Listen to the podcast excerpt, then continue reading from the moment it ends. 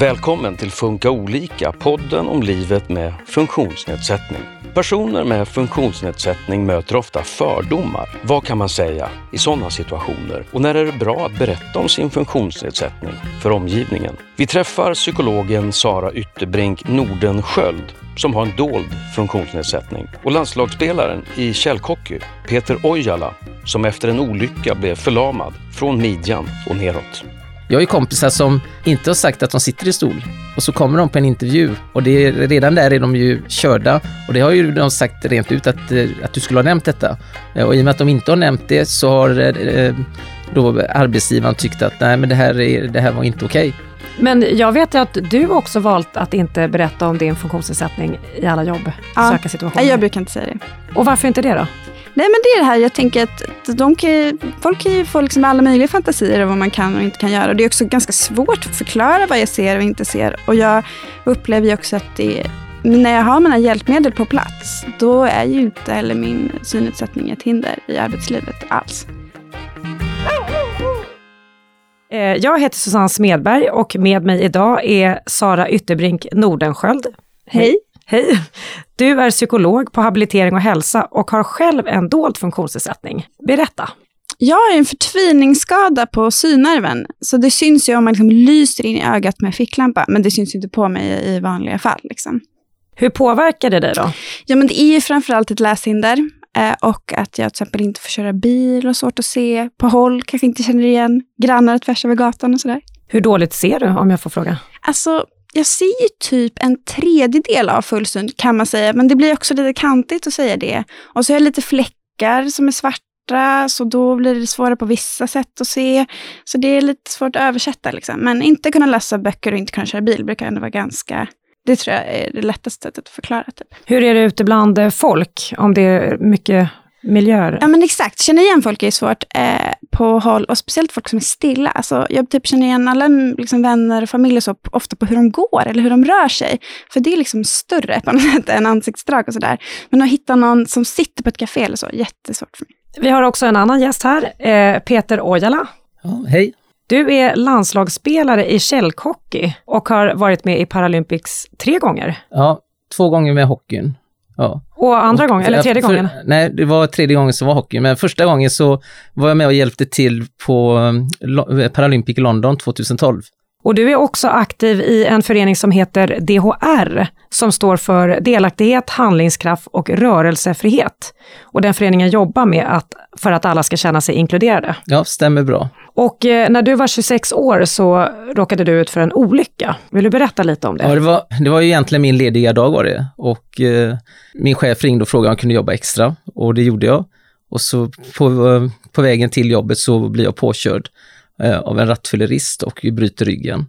Eh, och då är, det här var 30 januari 96, 11.45 var klockan. Eh, vad hände sen? Nej, det tog ju, det tog ju eh, 14 dagar innan, eh, innan jag förstod då hur allvarlig olyckan var. Utan jag var ju lite så här, alltså, ja men det ordnar sig, jag har ju brutit lite armar och ben och det tar sex veckor och det tar sil så lång tid. Och jag tänkte ungefär likadant med, med att eh, en ryggmärgsskada, jag förstod ju inte ens vad det var för någonting. Förrän det kom in en läkare och förklarade allvaret i det. Och talade om för mig precis som det är, att du kommer aldrig mer kunna gå.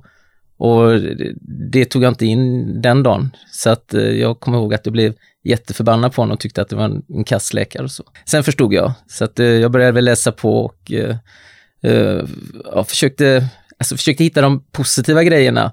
Alltså det finns ju ingenting positivt när du har brutit ryggen, men jag tänkte att det måste ändå finnas efteråt.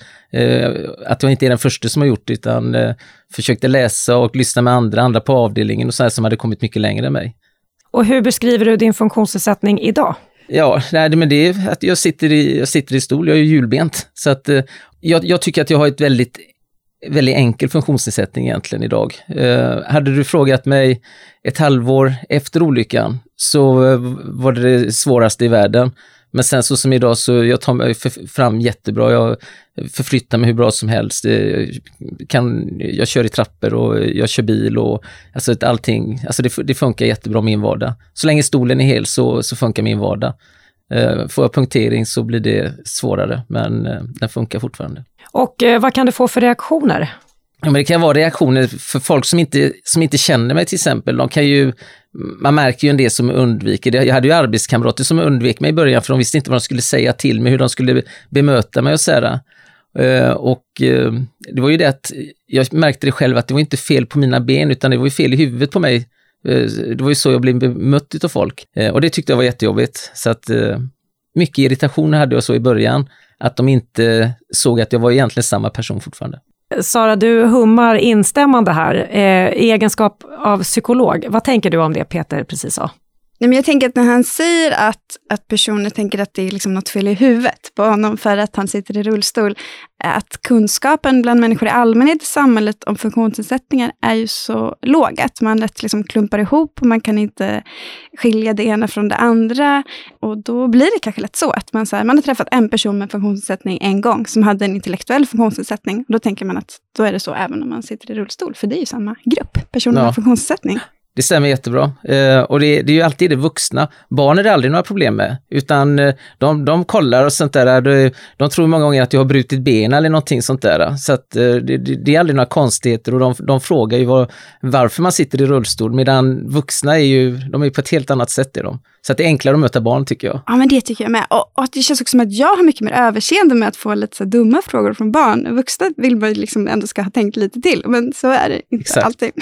Jag tänker för dig då Sara, eh, vad kan du få för frågor om din funktionsnedsättning? Nej, men jag får ju frågor först när jag berättar om det.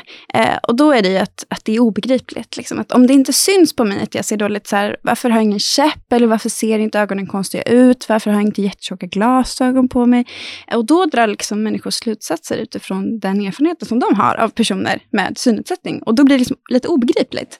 När ni träffar en ny person, när brukar funktionsnedsättningen komma på tal? Det, är, det är lite olika. Så att eh, en, en del kan fråga mig en gång så att, eh, varför sitter du i rullstol? Eh, men många gånger så, så är det precis som de låtsas, eh, låtsas som att man inte sitter i stol utan kan prata runt allt möjligt och det kan ta två, tre gånger innan så här, oh, jag förstår att du har råkat ut för någon olycka eller så säger någon efter tredje gången så att, oh, har du alltid suttit i stol till exempel? Så att man märker att det är, för många är det väldigt känsligt att, att ställa frågan. Vad tänker du om det då? Vad föredrar du? Alltså mig spelar egentligen ingen roll. Jag tycker det är bra att de frågar mig en gång för att eh, man, man, ser ju många gånger att de vill ju fråga om det. Så att eh, jag, jag har varit på, eh, haft anställningsintervjuer till exempel som jag inte har berättat till personer som kommer att, eh, att jag sitter i rullstol.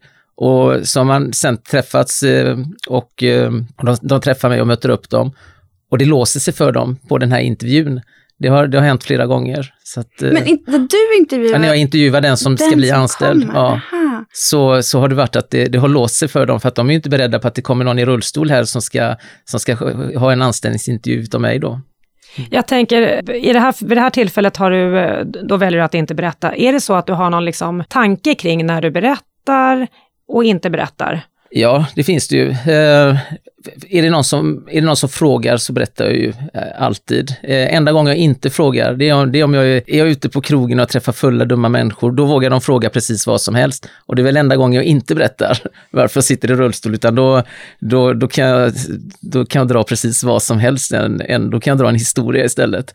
Så att, eh, men annars så är det att, eh, att man träffar eh, ute, så att, det, att det är någon som undrar, så då kan jag berätta, lämna in bilen på service och jag får en ny mekaniker och säger att, ja, och han frågar vad, vad har du råkat ut för? Ja, det är klart jag berättar. Eh, hur är det för dig då, Sara?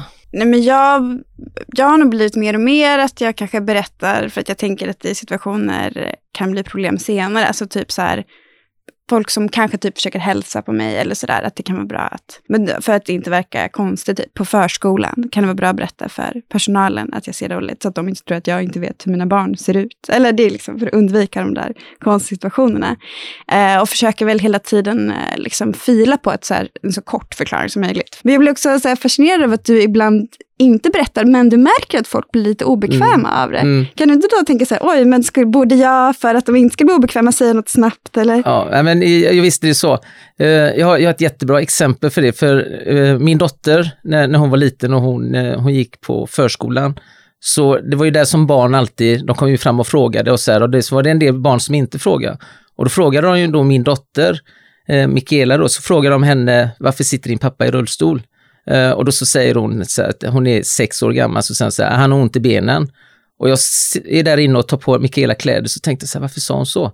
Och på vägen ut till bilen så sitter jag fortfarande och funderar på varför hon inte talade om att jag, alltså vad, vad som har hänt då. Och så lastade jag in henne i bilen och så började vi köra hemåt och så frågade jag henne till sist, varför, varför sa du att jag har ont i benen? Och så säger hon till mig så här, men pappa, om jag förklarar att du är ryggmärgsskadad, de vet inte vad det betyder. Så.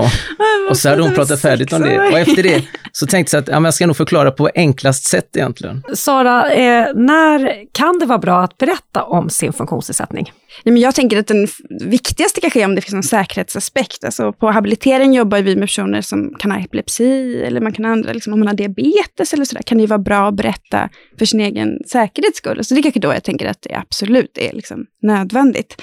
Annars så tycker jag att man ska kunna välja själv utifrån sitt eget perspektiv eh, och också berätta hur man vill berätta. Jag tycker att det som Peter säger om att så här, man kan också ha rätt att ljuga eller förenkla är väldigt är väldigt centralt, liksom, väldigt, väldigt bra. För det handlar ju om att kunna beskriva för att man ska få den hjälp man behöver. Att så här, men, kunna använda sin rullstol eller sådär. Och för personer med liksom, dolda funktionsnedsättningar som intellektuell funktionsnedsättning eller autism, då kan det handla om andra typer av hjälpmedel. Att få ökad struktur eller bättre instruktioner på sin arbetsplats eller sådär. Och också ibland om att då sänka kravnivån i skolan eller på arbetet eller sådär. Då känns det helt centralt. Men det ska alltid vara utifrån den egna personens vinning, inte utifrån någon annans nyfikenhet. Eller så. Eh, finns det situationer som man kan uppleva som lite svårare att berätta om det? Kan ja, men det tänker jag verkligen. Att så här, ja, men typ på en arbetsintervju till exempel, där man ska söka ett arbete och man ska bli bedömd utifrån sin förmåga. Då vill man kanske inte börja med att berätta något som man inte kan, utan man vill bara berätta något som man kan eller är duktig på. Och då tänker jag att det är liksom en diskussion som finns i funktionsnedsättningsrörelsen. Så här, har jag skyldighet att berätta för en arbetsgivare att jag har ADHD eller synnedsättning eller vad det kan vara? Eh, och det tycker jag att man inte har. Och om man väljer att inte göra det då? Hur kan eh, det bli? Alltså det, det, är såklart att då måste man ju förr eller senare ta den diskussionen för att, som jag sa, få hjälpmedel eller få stöd eller sådär. Men, men jag tänker att det, det är när de situationerna uppstår, att man alltid ska beskriva sin funktionssättning i relation till ett hinder i omgivningen. Någon specifik sak som man inte kan eller behöver hjälpmedel för att kunna genomföra. Och att man inte vill berätta, kan det vara att man är rädd för att bli behandlad annorlunda eller diskrimineras? Ja, men precis. Det tänker, jag brukar tänka så här, att jag ska inte ge dem möjligheten eller ens risken att de ska diskriminera mig. Att jag tänker att inga människor har ju möjlighet att sortera sina tankar på det sättet, att helt bortse från funktionsnedsättningar eller kön eller etnicitet och sådär. Och om man då kan, kan ge människor bättre grunder att fatta de besluten på, utan att behöva bli liksom färgade av fördomar, så är det bättre för dem och för mig. Jag tänker så här, dejtingsituationer, det är mycket nätdating. Vad tänker ni om det? Är det ett tillfälle man liksom tjänar på att berätta eller? Alltså det här är en lång diskussion som finns mycket på liksom i funktionshinderrörelsen, eller man ska säga. Då en del är väldigt så här, för sin egen skull vill berätta i förväg för att de ska slippa träffa personer som sen diskriminerar dem liksom lite mer på plats eller vid situationen. Medan en del tänker att de också vill ge människor en chans att lära känna dem lite först innan man ta fram det här liksom rastret av funktionsnedsättningar. För just på nätet är det en möjlighet att de flesta funktionsnedsättningar går att dölja, beroende på hur man fotar eller vad man lägger upp för information om sig själv. Men jag tänker på det du säger, det, det stämmer så att man, man behöver inte säga allting och speciellt inte om man har en dold funktionsnedsättning.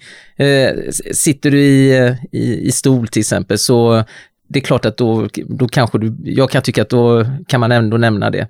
Så att, eh, för det, det kommer ju inte, om du har då en synnedsättning till exempel, så, så kan ni träffas tio gånger utan att personen får reda på det.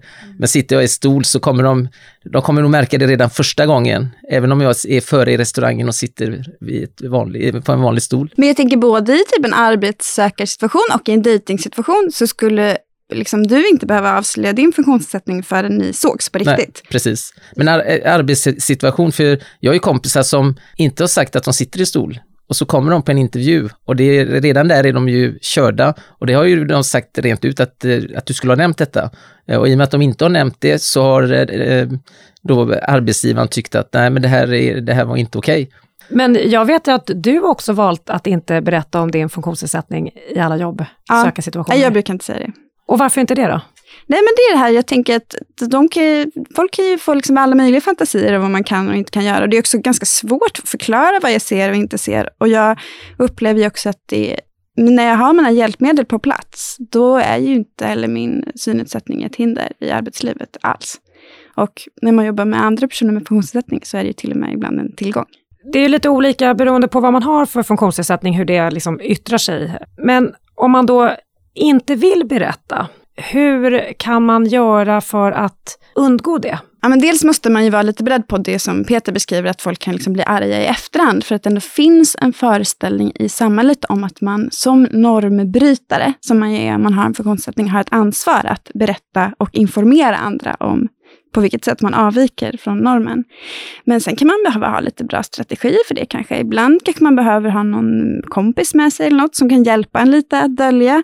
Eh, eller liksom en ledsagare eller sådär. Det har ju många personer på habiliteringen, kanske med sig någon när man handlar. Då måste man ju liksom vara lite i maskopi med den personen eller ha snackat om det innan. Så jag vill inte att folk på ICA märker att jag har en intellektuell funktionssättning. Jag vill att du låtsas som att du är min kompis när vi går och handlar ihop. Eller sådär. För mig blir det många gånger tvärtom. Om jag har med en kompis så tar de ju för givet att det är, är, är min assistent eller någonting. Och då, då, då, då pratar de med kanske med henne eller honom istället och då, då har jag blivit ännu mer funktionsnedsatt, har blivit, på grund av att jag har någon med mig. Ofta så, när jag är ute på stan här, så jag är ju själv, jag är ute och handlar och alla grejer, då är det inga, då är det inga konstigheter. Eh, men direkt när jag har med mig någon så, så blir det, det blir väldigt konstigt. Men vad har de för strategier dina anhöriga eller kompisar? Ja, men det, det, det, är lite olika. Det, det, ibland får man ju höra, eller de, de börjar prata med dem istället om jag, om jag ska handla någonting till exempel. Eh, och de istället börjar prata med, med min kompis som är med, eller med min dotter nu, som, som är vuxen och är med. Och de börjar prata med, med henne istället till exempel. Så att, eh, eh då, kan, då kan de säga till, att jag har ingen aning, får fråga honom. Så, så att, och det, det är det jag, det jag märker där, just att, att jag blir ju annorlunda bemött blir jag. Och, jag, och mycket är ju just det att, att som jag började med här, att man sitter i stol, så är det, det är inte bara fel på benen, utan det är även fel i huvudet. Då. Vad säger du då, då i de här tillfällena? Det är lite olika. Ibland så bryr jag mig inte. I, i början så brydde jag mig jättemycket, men i, idag så är, är jag ute och handlar kläder till exempel. Jag, jag köpte jeans till min dotter och jag betalar och min dotter får får växeln tillbaka, då kan jag bli jättestörd och då sträckte jag fram handen igen och sa jag fick inga pengar. Och då säger expediten, men jag gav dem till henne och det är inte hennes pengar. Och det kan ju verka småaktigt, men jag tycker ändå så att hon ska inte göra om det då på, på nästa till exempel. Du föreläser ju också. Vad tycker du är viktigt att berätta och förmedla där? Ja, men jag, det jag tycker att det är just det där hur man blir, hur man blir bemött. Och, och, och det är ju så här att, att jättemånga serviceyrken så, så blir du annorlunda bemött. Ibland är det, funkar det jättebra, så här, de, som är, de som är proffsiga på det, som eh, möter upp någon, ska du flyga till exempel, så där har de ju personal som är jätteduktiga på, de möter hur många som helst varje dag. Men sen så kommer du då på, till, till andra ställen som, som du blir dåligt bemött och då, då tycker jag det är jätteviktigt. I början så, så störde det mig mycket och det var då det som också gjorde att jag bestämde mig för att jag ska föreläsa om det här. Eh, inte bara ute på företag och sånt där, utan jag är ju även i, i, i skolor, mycket gymnasieskolor och sånt där. Och man märker ändå att folk, de börjar ju tänka efter och det är många som skriver efteråt och, och, och förklarar själva att men jag gjorde nog också så förut och så att jag börjat tänka mer på det. Så att jag, jag tyckte det var bättre att eh, istället för att vara arg och irriterad hela tiden så är det bättre att försöka informera. Du har ju inte alltid eh, haft funktionsnedsättning. Nej. Hur var din kunskap eh, kring det innan? Ja, den, var ju, den var ju noll egentligen. Så alltså jag, det låter jättedumt så här, för att jag levde som i en bubbla förut. Så att det, det viktigaste var att du skulle ha bra jobb och du skulle tjäna mycket pengar och du skulle boende och allting sånt där. Och ett, ett bra socialt umgänge och så här. Och I min värld så var det så att det var ju gamla människor som satt i rullstol och sånt där. Jag tänkte inte på att eh, människor föds med olika funktionsnedsättningar till exempel. Och, alltså jag vet, det, det låter ju jättedumt och i efteråt, så, efterhand så tänker jag mycket så här, alltså, jag skäms ju nästan hur jag fungerade på den tiden. Och, och sen helt plötsligt så märker man då, från när jag låg på sjukhus då, då trodde jag var ensammast i världen. Och sen då när man väl kommer ut och märker och träffar alla killar och tjejer och eh, äldre och yngre som har olika funktionsnedsättningar. Så jag lärde mig oerhört mycket av det. Men hur var det för dig att omvärdera synen eh, på funktionsnedsättning när det drabbade dig? Ja, men det var, det var svårt för speciellt då när jag låg på sjukhus, alltså jag låg ju på sjukhus och rehab, det tog ungefär ett år. Och då när jag fick hela tiden höra hur dåligt allting skulle bli och hur svårt allting var, det fick jag höra ifrån personal och sen så träffade jag människor som, som hade, var födda med en funktionsnedsättning och de talade också om för mig hur svårt det var, man var negativ och bitter och sådär. Och jag, jag blev ju alltså blev störd, jag blev, jag blev handikappfientlig blev jag. Är det skillnad, eh, Sara, på om man har en förvärvad eh, funktionsnedsättning eller medfödd? Jo, men jag tänker att jag tänker att ha en förvärvad funktionsnedsättning liknar kanske mer att ha en dold, att man ändå har, får en erfarenhet av hur man blir bemött om folk inte tänker att man är en person med en funktionsnedsättning. För man har ju den här erfarenheten från tidigare, innan man fick funktionsnedsättningen, att hela tiden jämföra med på något sätt. Um, så det tänker jag blir en stor skillnad, att man kanske också har byggt upp liksom, en idé om hur livet ska se ut, som gör att man kanske har lite högre förväntningar på olika sätt. Liksom. Om man generaliserar lite, eh, vad gör funktionsnedsättningen för en individs identitet? Men det är ju att vara en normbrytare, att liksom på olika sätt avvika från normen som blir en del av hur man ser på sig själv. Och som vi pratade lite om, det här med funkfobi, att man kan införliva omgivningens föreställningar om att det finns saker som man inte klarar eller inte kan göra i, i sin syn på sig själv, så att man till slut tror på det själv. Ehm, och att man också kan, utifrån att man har blivit diskriminerad eller utsatt eh, för fördomar tidigare, begränsar sitt liv på olika sätt för att man är rädd att bli utsatt för den typen av liksom, ja, diskriminering igen.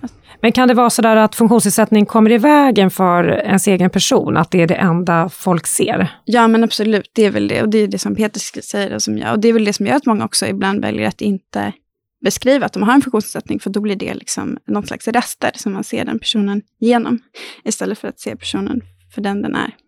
Men sen tänker jag att det också, det är liksom identiteten skapas ju hela tiden i kontakt med omgivningen. Så om man till exempel har en strategi för att dölja sin funktionsnedsättning, eh, som gör att man är tyst eller undviker alla de olika situationerna där funktionsnedsättningen tar sig uttryck, då blir man också väldigt begränsad i, i sitt liv. Alltså att man, det kan vara massa saker som man väljer bort att göra, som man annars hade gjort i livet. Hur gör man då för att komma förbi det här att man bara är sin funktionsnedsättning? Men jag tänker att det är ett, att ge sig ut i livet och prova olika saker. Eh, och att hitta de här strategierna för när man vill berätta att man har en funktionsnedsättning och när man inte gör det. Och, och alltid göra det utifrån sig själv och vad man själv tycker är viktigt och hur man själv vill framstå i olika sammanhang, tänker jag. Eh, att inte liksom gå med på den här föreställningen om att man har en, en skyldighet eller ett ansvar att utbilda eller berätta för andra. Om man då inte som Peter får betalt för att utbilda andra. Det tänker jag är någonting helt annat. Vad tänker du då Peter? Din funktionsnedsättning ser man ju när man träffar dig. Ja, Nej, men jag, jag, har tänkt verkligen så här att, att det, det, det, ska aldrig stoppa mig egentligen att jag, att jag sitter i stol. Och, och det, det har det ju inte gjort hittills utan eh, jag är inte så himla nervös om jag kommer ut på ett hotell eller ska ut och resa och sånt där. Ibland glömmer jag att fråga om det finns hiss till exempel, har kommit till en, en gammal byggnad så här då, och så visar det sig att det bara är trappor. Ja, men då är det bra, nu har jag lärt mig att åka i trappor. Så att, eh, jag, jag försöker inte, alltså leva så normalt som möjligt gör jag, så att, eh, som det var innan. Men du berättade apropå resan när vi pratade i telefon om en flygresa när du hade åkt, flög med en flygrädd kvinna. Ja, det har jag gjort. Mm, och eh, det var, alltså i och med att jag flyger så otroligt mycket och ett tag så pendlade jag mycket mellan, mellan Stockholm och Göteborg. Och eh, då var det en morgon som jag ska åka iväg och eh, jag har med mig en, en, en lagkamrat som är jättemorgontrött. Och, och det tycker jag är jätteroligt, då kan jag reta honom redan från start och det gjorde jag redan på incheckningen och så här. Så han är ju jätteirriterad. I och med att vi båda två sitter i stol så får vi komma på först på plan. Så att när de har lastat in oss så, ser jag då att eh, de släpper på passagerare och då kommer det en dam och hon håller krampartat, gör hon på varje så här ryggstöd när hon går in så här då. Och då så sa jag till min, min, min kompis då som satt längst in vid fönstret, så var det en mittenplats ledig och så var det jag ytterst. Och då förklarade, sa jag till honom så här, du ska se, hon kommer hamna här. Mycket riktigt, hon kommer ju då och eh, jag kan ju inte flytta på mig. Så att jag vrider ut mina ben så att hon klättrar över och så här, så kommer hon in, drar på sig bil, eller bältet då. Och sen så håller hon så här krampartat på armstöden. Och då frågar jag henne så här att, eh, är du flygrädd? Ja, märks det, säger hon då. Ja, sa till henne att det är inte armstödet du klämmer på, utan det är, det är mitt lår, sa till den här äldre damen. Och, men det gör inget, jag har ingen känsel så du kan, du kan hålla där. Ja, så vi börjar prata så, så förklarar för henne att det är jättelångt det här. Det, vi kommer bara, vi lyfter det här, det tar 50 minuter till Arlanda. Så vi bara pang upp i luften så får vi kaffe och sen så landar vi så är vi på Arlanda så det är inget problem. Och hon lugnar ner sig den här damen. Och pang upp i luften, vi får ett kaffe och sen landar vi på Arlanda. Och där kunde historien vara slut. Och då frågar hon mig i alla fall så här att, när, när sa du att du skulle flyga hem? Var det inte förrän om en vecka? Och det var synd, säger hon, och så går hon av. Och det är då den här SAS-kvinnan eh, kommer fram till henne, så säger hon till henne så här, eh, visst var det roligt att flyga med de handikappade killarna? Och så tänkte jag så här, varför sa hon så egentligen? Att, alltså hon kunde ju sagt, alltså vi, vi kunde få vara vilka killar som helst. Menar, hon hade ingen aning om att vi satt i rullstol, utav dem men bara så här, ja, är de handikappade? Ja, båda två sitter i rullstol, ingen av dem kan gå, säger hon då. Vilket, alltså det störde mig oerhört mycket. Att, eh, alltså för, för en gång skulle kunna vara som vilken kille som helst egentligen. Och det, vilket gjorde också att jag påpekade det för den här flygvärdinnan. Eh, och eh, hon, eh, hon tänkte sig inte för, utan eh, hon, hon, hon bad ju om ursäkt för det, så det, det var inte det viktigaste för mig, utan det var ändå bara att hon skulle fundera på det. Och sen då när assistans kom och lyfte ut oss och så, här, så kom hon fram en gång till och sa, jag vet inte varför jag sa det, att då, då, hon, hon, var, hon kommer aldrig mer göra om det. Mm. Ja, men jag tänker på de, alltså, det finns, alltså det finns inte så mycket bra forskning om det här med dolda funktionssättningar och att berätta om sin funktionsnedsättning och sådär. Men jag tycker att det finns många ord i liksom hbtq-sfären som vi kan låna. Och där pratar man om att passera till exempel, som ett sätt att välja, men också om att man eh, outar, alltså det engelska begreppet för att, att avslöja att någon annan är en hbtq-person, var ju precis det hon gjorde här. Att hon, liksom, hon avslöjar att du har en funktionsnedsättning, fast du själv inte har pratat om det och inte tyckt att det varit viktigt. Och det är ju ett övergrepp, tänker jag, på ett sätt. Har synen på funktionsnedsättning förändrats i samhället sedan du blev skadad?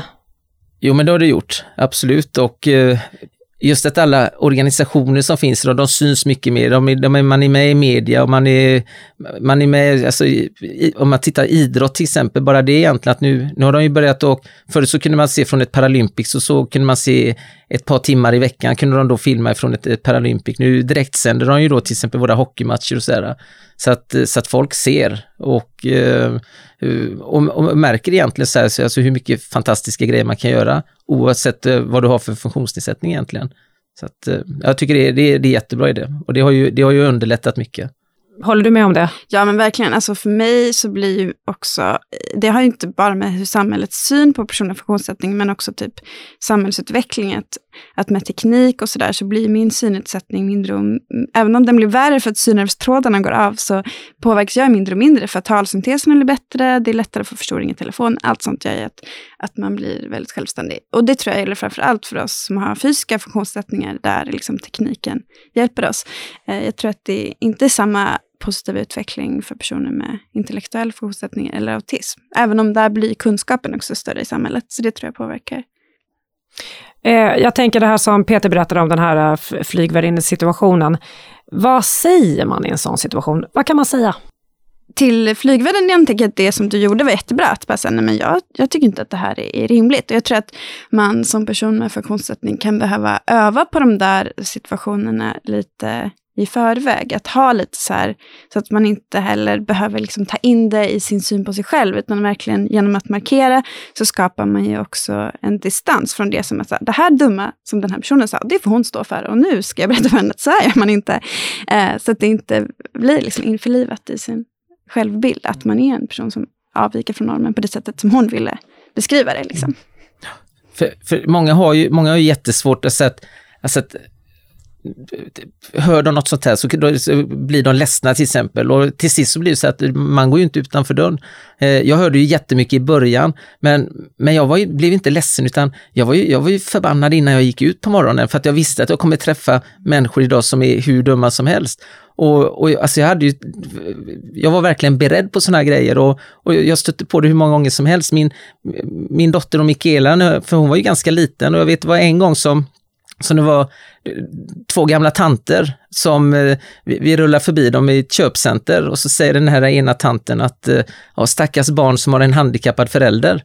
Och så tänkte jag så här, skiter i detta här för att det var inte, det var inte värt det eftersom jag hade Mikaela med. Och då gick, hade Mikaela blivit, var hon kvar och så var hon jätteledsen och gick fram till de här tanterna. Och hon skrek nog mer till dem och så talade hon om för att hon var jätteglad att att hennes pappa levde för han kunde ha dött, säger hon då. Och, och då, blev, då blev jag ju förbannad istället på tanten också då, för att de hade gjort Mikaela ledsen. Men, men, men så här, jag råkade ut för massor med sådana här grejer. Eh, jag har en dotter som är född efter olyckan. Och det var likadant där, vi var ju ensamma ute på stan, jag, Mikaela och Martina då. Och Martina hon lärde sig gå hyfsat tidigt bara för att jag har ju inte kunnat lyfta upp henne och så här, hon fick ju klättra på rullstolen för att sätta sig i mitt knä. Och det var också så här en gång som en gammal tant kom fram och frågade, stoppade mig när jag var med Martina. Och så sa han så här, eh, är du ensam här med det här lilla barnet? Ja, säger jag då. Det tycker jag är ansvarslöst, säger hon då. Och det bara brann i huvudet på mig, så att då, och, jag kan ju ändå försvara mig, så sa jag du, vad är din man? När han är inte med, det tycker jag är ansvarslöst. Att du får vara ensam ute på stan, sa till henne då. Och, och så sätter sig Martina, tanten går ju ut till köpcentret, och så sätter Martina i knät och så tänker jag, jag åker hem nu. Och då sitter det ett annat äldre par och käkar glass på en bänk och då ropar gubben på mig så här att så här, Hör du grabben, säger han då. Ja, så, och då vände mig och kände så här, inte en dåre till. Och så sa jag, vad är det med dig? Frågade honom då. Så sa han, det där var en riktig sketkärring, sa han. Och då, det gjorde också att jag stannade kvar den dagen i köpcentret för jag tänkte att ja, men det, det finns ändå vettiga människor. Men det här råkade, alltså, jag råkade ut för det jätteofta ett tag och till sist så blev det ändå så att jag, jag släppte mycket av det, utan ibland kan jag säga till och eh, ibland har jag inte tid. Men eh, det, det är vanligt. Men, alltså, finns det några strategier för det här? Jag menar, gå laddad, vara lite arg eller kanske bli ledsen. Hur skyddar man sig? Men jag tycker att man måste ju vara förlåtande mot sig själv när man blir ledsen. För det är inte konstigt att man blir det. För det är ju någon som på något sätt ger sig in på ens egen privata sfär och berättar om man kan vara förälder eller inte. Liksom. Eh, men sen sortera i det där vem det är som är idioten i sammanhanget. Mm, ja. liksom. eh, och, och även om man inte säger till varje person säger något dumt, för det tycker jag inte heller att man har något ansvar att göra. Så att man för sig själv bara, men det är den här personen som är galen, liksom, som säger så här. Och att man inte är medveten om de här föreställningarna, för det är just när det handlar om föräldraskap, alltså det är vissa områden, så här, ja men det är klart att man kan leva ett gott liv med funktionsnedsättning, men kan man ha ett vanligt jobb, kan man ha en familj, att det är liksom, eh, det finns något speciellt kring de där laddade rollerna i samhället. Finns det något knep för att skifta fokus i ett sånt här tillfälle? Ja, men i det här sammanhanget att titta till, titta till barnet till exempel. Eller att så här, ja, men vad, vad, vad är viktigt för mig i den här situationen? Ja, men det är viktigt att vara kvar i köpcentret. Eller det är viktigt för min självbild att säga till den här tanten på skarpen. Alltså att man hela tiden, orkar man inte säga till, orkar man inte utbilda, så har man absolut inget ansvar att göra det. För det är deras problem. De kan googla om de behöver lära sig något nytt. Liksom. Men, ett men jag tänker i det här fallet blir det ju också, alltså din dotter eller dina dotter, eller döttrar i det sista fallet, Eh, det blir ju liksom de som får ta smällen på något sätt. Ja, det blir det ju. Eh, Martina hon eh, förstod ju ingenting där, men, men Mikaela som hör detta till exempel. Men det, det har också gjort att båda två, de är, de är ju väldigt bra på att bemöta sånt idag. I dem. Så att eh, jag, jag är egentligen ganska glad att, att mina barn har ju fått lära sig väldigt mycket på grund av min funktionsnedsättning. Eh, Peter, du sa ju att i början att du var väldigt arg och att du nästan vaknade upp på morgonen och var förbaskad. Hur lång tid tog det för dig att liksom komma förbi det där? Jo men det, det tog säkert en, en två, tre år, gjorde det. Efter olyckan då? Efter olyckan ja. Uh, alltså sen jag blev utsläppt från uh, sjukhus och rehab och när jag kom ut till, alltså, till, till, till mitt vanliga liv. Så att det var där som det tog väldigt, alltså det, det var ungefär två, tre år. Bara för att jag just att det var så himla ofta. Och, och jag kände ett tag så att, alltså, ibland kände jag så att jag orkar inte gå ut idag. Jag vill inte gå ut. Så att man hade en sämre dag, mer ont och sånt där, så ville man inte gå ut. Men, men jag valde ändå att göra det. Och eh, sen till sist så, när, när jag kom igång igen med, med, med arbete och jag hittade tillbaks till, till idrott och sådana saker, så visste jag ändå att jag, jag måste vara ute precis som alla andra och eh, då kunde jag släppa det mer. Det är dags att börja avrunda nu, men jag vill fråga dig eh, innan dess, Sara. Hur kan ett tolerant och tillgängligt samhälle se ut? Men jag tänker att det handlar om större kunskap. Att eh, om folk kände till mer om funktionsnedsättningar så skulle man kanske inte som person med funktionsnedsättning bli utsatt för den här stigmatiseringen eller diskrimineringen där det liksom allt klumpas ihop och man förstår inte vad som är vad. Eh, jag tänker också att folk kanske skulle har liksom träffat på fler föräldrar med funktionsnedsättning till exempel. Och där kan man ju på ett strukturellt plan fundera kring liksom oss som har dolda funktionsnedsättningar, att för varje gång som vi liksom orkar berätta eller beskriva, så nyanserar vi också bilden. Att det liksom finns en föreställning om att antingen har man funktionsnedsättning eller så har man en helt perfekt fungerande kropp. Men vi har ju liksom en miljon svenskar som har någon form av dold funktionsnedsättning. Om alla vi orkade någon gång ibland berätta om det, så skulle folks idéer om att det något som har eller inte har suddas ut, tänker jag. Peter, om, hur vill du bli bemött? Jag vill, jag vill ju bli bemött som, som alla andra egentligen. Och, eh, och jag, tyck, jag tycker det är jätteviktigt just det här att eh, det låter säkert enkelt bara för att jag har två sidor som jag jämför alltid med före och efter olyckan. Men, men jag vill samtidigt också att om jag har en funktionsnedsättning, för att, men man kan ställa krav på mig också. Men det är, det är väldigt många gånger som, som man säger att ja, men, om man sätter, det är en tröskel för att komma in genom dörren här. Ja, den har de satt hit bara för att jävlas med mig. För många lever ju efter, efter så att man går och letar efter fel. Men jag tycker att, att jag vill bli bemött precis som alla andra egentligen. Sen är det så här, det är okunskap många gånger. Jag, jag, jag, är säker på att det är okunskap. Man, man gör inte saker bara för att jävlas egentligen, utan det är, det är mycket okunskap. Och där säger jag tack Peter Ojala för att du kom hit idag. Ja, tack så jättemycket. Och tack Sara Ytterbrink Nordenskjöld. Tack. Psykolog på Habiliteringens resurscenter som är en del av Habilitering och hälsa. Och tack till dig som har lyssnat. Ja, du har lyssnat på Funka olika, en podd från Habilitering och hälsa som är en del av Region Stockholm. I nästa avsnitt träffar vi två rektorer. Det handlar om hur de pratar om funktionsnedsättningar på sina skolor för att skapa en inkluderande miljö. Lyssna då!